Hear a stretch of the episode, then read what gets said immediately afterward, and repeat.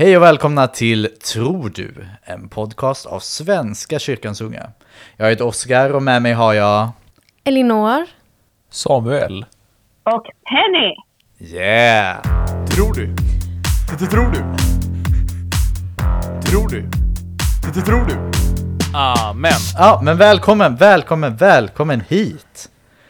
Eh, idag eh, börjar, vi att med, börjar vi att läsa i Johannes evangeliet kapitel 14, vers 8 till 13.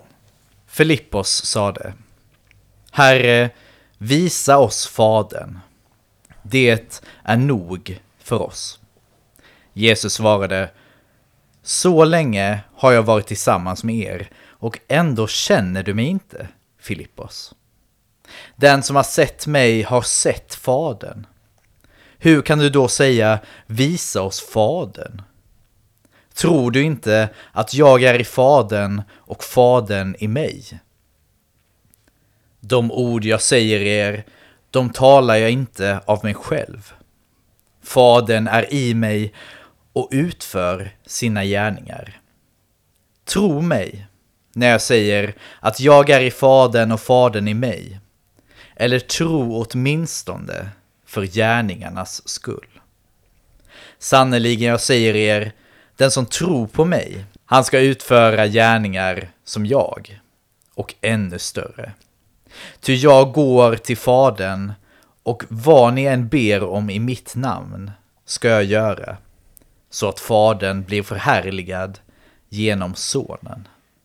Yeah, så vad tänker ni när ni hör det? Oj nej, jag tänkte bara säga att jag eh, tycker det är väldigt svårt att prata om eh, eh, när Jesus pratar om liksom, ja men sonen, att han är i enighet med fadern och fadern i honom. Det krävs eh, en del eh, fundering. Mm. Och då är det ju inne på det här då att de är ett, men två, men på vilket sätt? Jag tänker att det här bibelordet för mig säger det vad kristen tro handlar om. Mm. Eh, och det som skiljer fadern och sonen åt. Alltså, det är ju väldigt tydligt på ett sätt vad som är fadern och vad som är sonen. Eh, men för en som kanske är, om man får kalla det nybörjare i kristen tro, kanske det inte är lika självklart. Eh, och då tänker jag att Jesus blir, blir liksom kristen tro personifierad. Och det tycker jag att det här bibelordet sätter, eh, fi, sätter fingret på.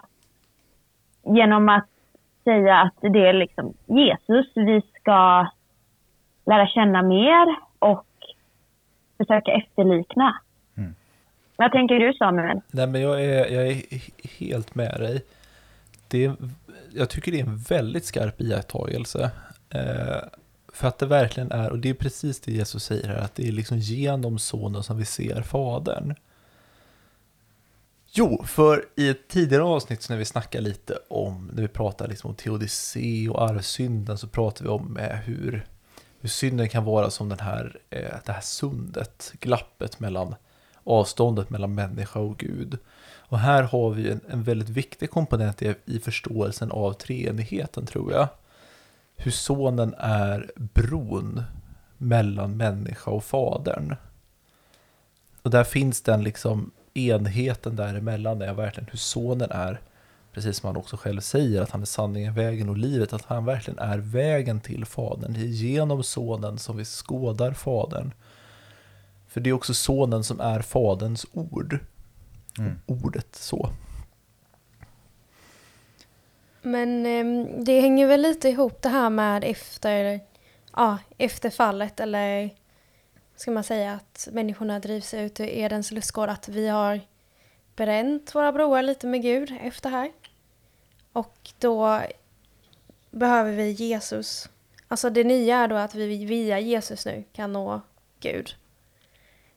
Om det är så, eller så har jag i alla fall tänkt. För att i början känns det som att man har kunnat, eller ja, då har, då har ju det bara varit Fadern innan Jesus liksom. Men nu i och med efter liksom att, ja, i och med att eh, de drevs ut och vi, lev, vi levde i den här världen som inte var perfekt. Mm. Och så kom Jesus och det är via Jesus då som vi igen kan återförenas eh, Ja. med Gud. Ja, det är lite som, eh, eller eh, när, eh, nej men då när, när människan valde att vara utan Gud, att, att det blev som en eh, jordbävning liksom. Och det blev ett sund med vatten emellan. Så, eh, så blir det ju som det vi har pratat om innan, liknelsen om sundet och bron över. Eh, att eh, det är inte som att det fanns en bro innan, för då var vi redan på samma plats. Liksom. Ja, men det här tror jag är en viktig liksom, Mm. Alltså en grundsten i liksom, kristen tro det här att nu för att komma dit igen behöver vi Jesus. Mm. För att komma tillbaka. Mm. Nej, men det, vi har ju skrivit lite anteckningar här. Och Samuel, du har ju skrivit att anden är kärleken mellan fadern och sonen. Eh, vad tänker du med det? Det har vi också varit inne på i något tidigare avsnitt lite grann och rört vid. Mm. Alltså när man liksom, det, det är ju knepigt det här när vi och har någon slags sonens enhet med fadern som överskrift på avsnittstema så här. Alltså det är ganska svår trinitetsteologi vi har försökt ge oss i ka- kast med. när man verkligen är inne och petar i treenighetens innersta mysterium som liksom går bortom vad våra ord kan förklara och förstå och beskriva. Mm. Men många gånger så brukar man ju när man tänker på hur liksom fadern och sonen hänger ihop så, så var det ett annat avsnitt där du hade den här fina liknelsen med, med den perfekta dansen i treenigheten. Mm. Och, och den helige ande är kärleken mellan fadern och sonen. Det är så vi kan förstå den här fullkomliga enheten. Men de är inte heller att sammanblanda. Alltså fadern är inte sonen och sonen är inte fadern heller. Utan det, det är ju så väldigt viktigt att, att det är tre personer i ett väsen, tre personer i en gud. Och det är väl på, det, på denna, i liksom denna Guds enhet så som vi också kan förstå själva enheten mellan fadern och sonen, hur de är så, så tajt sammanlänkade. Mm. Jag kan tycka att detta är väldigt tydligt i um, evangelierna. Att då är Jesus liksom Jesus. Mm. Och att man ser typ att Jesus är inte alltid, han är inte alltid, alltså medveten om allt som Gud, eller så här, inte medveten men han, vad ska man säga, han, han är inte liksom den som eh, ser, eller vad ska man säga, det känns som, han är ju väldigt mänsklig också. Ja, han det ser känner- inte Guds plan liksom. Nej, och Ja. han ifrågasätter liksom varför han måste lida och sen gör han, alltså sen går det ju liksom igenom men jag menar då känner man ju verkligen att det är två olika, eller i alla fall när jag läser evangelierna, då känner jag ju att Jesus är alltså lite mer sin egen, alltså lite mer skild från fadern. Mm. Och sen när man läser andra texter ibland så används det nästan synonymt, eh, alltså fadern och sonen i ett men jag tycker att när man läser om Jesu liv och evangelierna, då, då är Jesus väldigt mänsklig och en av, en av oss. Mm. Men liksom lite mer så. Detta ändras ju, ehm, hur man pratar om sonen sen efter typ Kristi himmelfärd och liksom han har uh, återuppstånden, då, då blir det ju den här att han sitter på, ja han är på Guds högra sida. Mm. Eh, men under tiden när han är med oss så tycker jag att då känns eh, Alltså då känns de som väldigt olika och sen blir det själva liksom när miraklet har hänt och han har uppstått. Mm. Så blir det det här, ja, att de är treenigheten typ. Ja. Inte att treenigheten händer efter det utan det är bara en känsla jag har av hur man, hur jag ser på Jesus och eh, Gud och Fadern. Eller, Och det här hänger så starkt ihop med, liksom med de två naturerna i sonen, tänker jag. Att, det- att det är en så viktig aspekt att förstå Jesu jordiska liv är liksom att Jesus inte bara är Gud och sen råkar se ut som oss, utan Jesus är verkligen Gud och människa så. Att sonen tar köttets gestalt och bor i, i mänsklig kropp och är också människa sam, samtidigt på något vis. Och då också med någon form av mänskliga villkor. Eh, att de, de här mänskliga villkoren, det är därför vi kan förstå den här liksom också skillnaden mellan före och efter uppståndelse tror jag nog. att det blir så påtagligt, för då är liksom hela den mänskliga naturen också fullt uppstånden. Mm. Och död, döden är besegrad och kvar finns bara livet. Mm. Och det finns ju någonting väldigt balt då också, att, att, att Kristi uppståndelse gäller ju även vår Mm. uppståndelse så, liksom att den, den kroppsliga uppståndelsen som Jesus uppstår med, det, det är liksom vår kroppsliga uppståndelse också egentligen. Att uppstå till, det skriver Paulus om i första Korinthierbrevet, att det som blev sått oförgängligt, nej det som blev sått för, förgängligt ska uppstå oförgängligt så.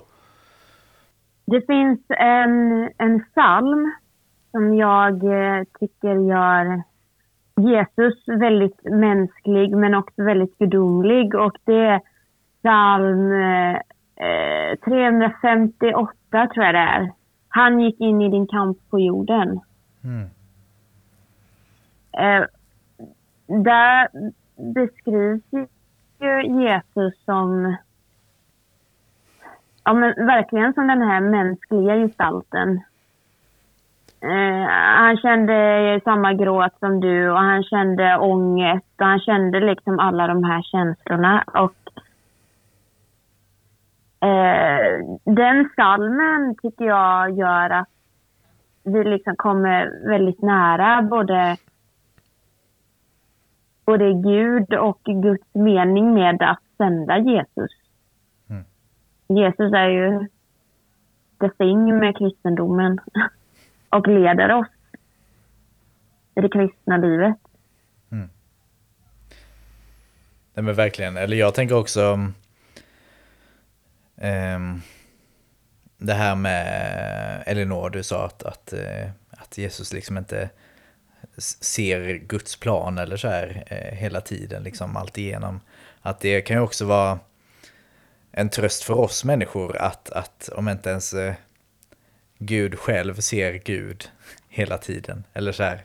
Eh, eh och att det kan finnas eh, perioder av tystnad eller, eller så, så kan vi också känna att det är okej att vi inte, eller det är inte konstigt då om vi inte känner av Gud hela tiden.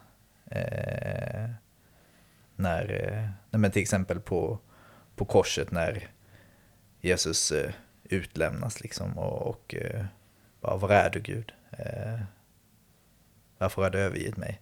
Att det blir liksom, det blir också en tröst för oss att, att eh, om Gud kan säga det om sig själv, eh, då kan vi också det allra minst. Liksom. Mm. Också kanske att det är ett budskap att vi som människor, alltså en människa kanske inte kan omfatta vad Gud är. Mm. Alltså vi, när vi tänker liksom så här, ja men Guds plan, då utgår ju vi från att Gud är som oss, att vi ska kunna ta in hela den kapaciteten. Mm. Vilket jag tror kanske att vi inte kan göra. Mm. Att det är väldigt svårt. Vi kan se, vi kan, vi kan typ se glimtar av liksom en plan. Mm. Men jag tror aldrig vi kan förstå helt och hållet. Och jag tror att det här med Jesus visar väldigt mycket det hur människan liksom vi... Gud är ju ett mysterium. Mm. Det är mycket mer än vad vi kan föreställa oss. Mm. Eh, så att, ja, och det känns ju väldigt bra att landa i det att man ändå... Det, det är liksom... Ja, att det, är okej. Mm. Vi kan inte heller veta allt och vi kanske inte heller ska Mm. veta allt heller. Nej. Och att det är för stort för oss kanske. Ja, att det är för stort för oss att kunna liksom... Ja, Vi är bara människor. alltså- ja. ja att, eh, Ja. ja. att se allting liksom. Ja, precis. Nej men det... Eh, jag kommer ihåg från någon, eh, något eh, ungdomsläger eller så när jag var yngre så, så var det någon som drog, eh, någon då som föreläste, som drog någon liknelse om att eh, om en cykel, vilket kanske är ett konstigt exempel, men att, att liksom någon som gör en cykel, en cykel kommer ju aldrig förstå skaparen som har skapat cykeln. Eh, cykeln vet att, ah, nu trampas jag på, jag åker fram, eh, oj nu har jag punka. Eller så här. Men liksom en cykel kan ju aldrig förstå, ens greppa liksom vad är, vad är världen egentligen liksom. Eller vad man ska säga. Eh, finns säkert bättre exempel att dra, men eh, det var det jag fick höra i alla fall. Eh, och det jag säger ju något att, att vi är bara människor. vi skapar i Guds avbild, eh, men vi är inte gudar, så som Samuel också sagt någon gång. Var det detta avsnittet eller? Skitsamma, han har sagt det. Sen tänker jag det här med sonens enhet med fadern också liksom relatera vidare till vår enhet. Ja. Både hur vi ska förstå vår enhet med varandra men också vår enhet med Gud. Mm. Vad tänker ni om liksom ordet enhet egentligen? Nej men det är jättesvårt. Mm. Jag blir ställd tänkte jag säga. Egentligen är det ju en sak som man... Alltså det är precis som att när man, när man typ bara har, eh, när man har accepterat någonting för väldigt länge sedan. Och sen när, någon fråga, när man får liksom en fråga på det så blir man helt man bara eh, för att det är så. så känner jag verkligen att eh, när man, inte att man inte liksom vet utan det är bara det att det är en sån stark övertygelse att jag vet inte ens hur jag ska, hur får jag ner det här i ord? Eh, Jag tänker typ, eller... Eh, men jag tycker mycket eh, handlar om något slags, eh, något slags eh, kanske med, brutal kärlek, nej jag vet inte, men liksom att, att det finns människor som jag kan ogilla, men att se att, men att bara tänka över att Gud älskar dem lika mycket som de älskar mig, eller att, att de är lika mycket skapade i Guds avbild som jag är. Att det, det gör någonting i en att, att, um, nej men att, att känna att jag behöver inte älska alla människor, men att bara bekräfta människor för att de också är i samma enhet som jag, eller vad man ska säga. Eh, också tänker jag kring eh, ekumenik till exempel, eh, att, eh, att eh, vi alla eh, kristna kan be till Gud på olika sätt, eh, med olika ord, olika uttryckssätt. Vi kan ha lite olika teologier, men i slutändan är vi en enhet, en kyrka eh, som ärar och prisar Gud eh, på vårt sätt. Och att enhet inte förutsätter enighet. Nej, precis. Enhet och enighet. Jag har aldrig tänkt på de orden innan. Att vi är en enhet, en enighet. Ja, men det är ju, vi lever ju utefter samma grund. Oavsett vilken kristen tro vi, vi bekänner oss till. Och på så vis är vi ju eniga där. En enhet. Ja, alltså vad spännande. Um, enhet. Ja. Men det finns också något väldigt fint i det, liksom att man får... Alltså att man får leva ut i sin tro och följa Jesus på det sättet som... Som man känner att man... Där man hör hemma. Mm. Att vi ändå... Vi går på samma mark. Vi har samma grund med oss, men att vi har- också den, den fria viljan som, som Jesus har gett oss. Mm. Verkligen. Och vad är vår enhet med Gud då? Jag tror att det finns så många olika dimensioner av det. Vi både kan tala om enhet med Gud från aspekten av att vi är skapade och han är skapare och att det finns någon form av naturligt samband däremellan. Jag tror att vi kan tänka på enhet med Gud som förening med Gud också. Men när människan liksom fullkomnas Mm. och det liksom inte finns något avstånd längre utan talar man mycket om i ortodoxin till exempel, det här med att Gud blev människa för att människan ska kunna bli Gud. Mm. Till exempel. Jag tror att vi liksom finner sådana fenomen, och jag tror att det liksom har med kärleken att göra. Att man kan tänka på människans enhet med Gud lite grann som, som sonens enhet med fadern. Att precis så som anden som är kärleken mellan fadern och sonen så förenas människan med Gud i kärleken sinsemellan. finns nästan som en sån här, som en slags, som, en, som, en, eh, som ett dragspel som liksom sugs ihop. Mm. Mm. Ja, nice. Eh, eh nej, men jag tänker, eh, ja, eh, jag tänker kring ehm, nej, men vi, den heliga anden som vi får i dopet liksom. Eh, men också eh, nattvarden. Där det väldigt praktiskt blir att Gud är i mig liksom. Jag äter Gud, om man kan säga så. Liksom. Eh, att det blir ett väldigt praktiskt, oavsett om man, eh, vilken teologi man har kring nattvarden, om man tänker att det blir fysiskt eller det blir, eller om det bara är symboliskt, eller oavsett så blir det ju ändå Gud i mig på ett praktiskt sätt. Eh, ja, genom själva handlingen att ta emot liksom. Mm. Och dela det med Gud och med alla kristna i en enhet genom alla tider. Också. Vi har ju ett avsnitt som heter Att vara en kropp, Mm, just tror jag också, där vi är inne på lite. Men det kanske handlar mer om, ja, interreligiösa eller ja, olika delar av kristendomen. Ja, ekumeniska grejer tror Ja, jag också. precis. Mm. Men här går vi väl ner lite mer på eh, individnivå Mm. och kollar liksom ja, varje människas eh, relation och enhet Mm. till, liksom, till sonen och fadern men även till andra människor. Mm.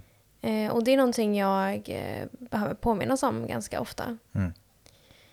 Eh, sen är det här också frågor som jag... ehm, jag ska säga att jag inte brottas med det här eh, varje dag. Eh, Så det är väldigt, det är väldigt eh, bra för mig att få ta del av de här diskussionerna. Jag tänker så det knakar. Ehm, och det känns som att det är, för mig är detta väldigt alltså, svåra vad ska man säga, det är svårt att liksom föreställa sig. Mm. Lite, man är uppe liksom i ja, teologi, lite vad, vad betyder saker och ting och Ja, så Mm. jag... Ja, men precis. Alltså jag tänker, eh, nej men som du sa innan Elinor, att det är svårt att greppa allting och förstå allting och det tror jag att vi kommer inte kunna göra. Eh, och att det är så, ibland kan man kanske ta någon lätt väg på ett sätt och göra någon förenkling, men som i slutändan kanske inte håller för att det är inte så enkelt, samtidigt som det kanske är så enkelt. Eh, det blir liksom Ja, precis. Och där tänker jag angående det här med enkelheten. I, I alla de stora kyrkomötena som var liksom i kyrkans begynnelse så var ju det nästan alltid fråga om att det var någon som kom och ville göra det enkelt. Mm. Det var nästan alltid det som blev liksom också det, av, det som, man, som kyrkan sedan avvisade och sa att nej, men det är inte det här vi menar. Mm. Det var att det hela tiden var att man försökte förenkla. Och svaret var alltid att komma med, men det är inte enkelt.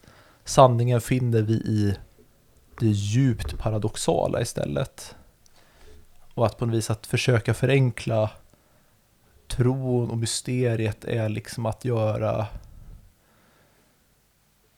det, det är liksom att, att, att gå bort från från den sanning som Jesus Kristus själv gör anspråk på att vara.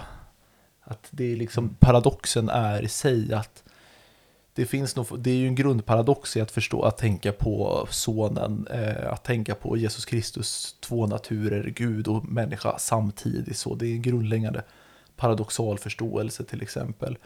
Och det, och det är det som, som inte går att förenkla heller Mm. alls. Utan det är liksom i paradoxen vi finner mysteriet och vi finner Gud. Mm. Där vi finner liksom den sanning som Jesus talar om sig själv med. Som Gud talar om Mm. sig själv med. Mm. Men jag kan tycka det är ganska bra att det finns såna här delar där jag vet att stora, alltså teologer och alltså stora tänkare fortfarande brottas med. Alltså det här, det, det och det finns det någon, det är liksom, there is beauty in that. Tycker jag att vi ändå än idag brottas med samma frågor som man egentligen hade på typ 300-talet. Eh, alltså det, ja. Och det tycker jag är ganska häftigt att vi liksom, inte att vi, jag säger inte att vi inte kommer framåt, men att det här är sådana paradoxala frågor som människor kanske i alla tider framöver måste brottas med. Ehm. Och som vi också i kyrkan har valt att vi ska fortsätta brottas med. Att man verkligen har, har så aktivt valt att vi gör det inte enkelt och på så sätt ger ett något slags liksom färdigt koncept som man bara får liksom, kan köpa väldigt enkelt och förstå i huvudet och sen så är det liksom färdigtänkt på något vis utan att man har verkligen valt det paradoxala så att det finns den brottningskampen är liksom självvald för hela, för hela kyrkan som sin grundförståelse att vi har valt att ha en paradoxal teologi som inte gör det lätt för sig, utan som gör så att vi måste fortsätta brottas och utvecklas i vår, vår tro på det sättet. Jag hade en kompis som faktiskt eh, kritiserade detta med kyrkan. Han är ju så, eh, ganska ateist. Men det var när vi var på studiebesök eh, under min skolgång så sa han någonting om att det hade nästan varit lättare att vara liksom fundamentalt troende Alltså att vara med i någon form av samfund där man bara får sanningen slängd på en att så här är det. För att det som vi gör i Svenska kyrkan, eller ja, det som, eller de här frågorna är ju att vi, vi inte ger ett facit. Att det finns eh, stora frågor som är obesvarade för mänskligheten. Och det här är alltså svårt för oss kristna, kanske att förklara när någon frågar och ge oss den här kritiken att vi bara ja, jo, nej men man får ju fundera på det. Men jag tyckte det var väldigt intressant att han eh, hellre såg att han ville ha en lite mer styrd eh, ja, alltså, ja, format på hur man ska tänka. Att, ingen mysterium, mm. utan ge mig svart på vitt, vad är rätt, vad är fel? Hur ska jag leva? Mm. Uh, och tyckte att det var jobbigt. Eller att det var liksom det var flummigt då om vi bara får filosofera fritt. Vad är, vad är, det för, vad är det för mening med att vi ska ha de här mysterierna då? Mm. Finns det någon mening med att vi brottas på det här sättet med Guds mysterium och att hitta sanningen? Mm. Ja. ja. För det blir ju oavsett hur långt vi försöker eh, liksom eh, eh, bygga förbi alla mysterium så i slutändan blir det alltid ett mysterium för att vi kan inte veta om Gud finns på riktigt. Eller så här, alltså vi kan tro det men vi kan aldrig veta fullt ut. Oavsett. Ja. Ehm. Ja. Ska vi sätta punkt där? Eh, Penny, vill du be? Ja, det vill jag göra. Vi ber. Gud, tack för att vi får mötas och fundera tillsammans över ditt mysterium. Det är att få prata om det som vi, vi läst om i skriften och att du, du går bredvid oss, bredvid, att du går bredvid oss och att du lär oss. Vi ber att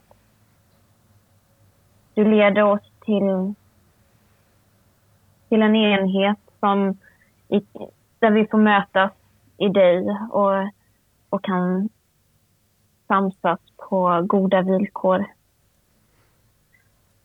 Och Gud, vi ber att du föder, fortsätter att föda längtan i oss efter att få vara nära dig och få fortsätta fundera över de stora frågorna och de små.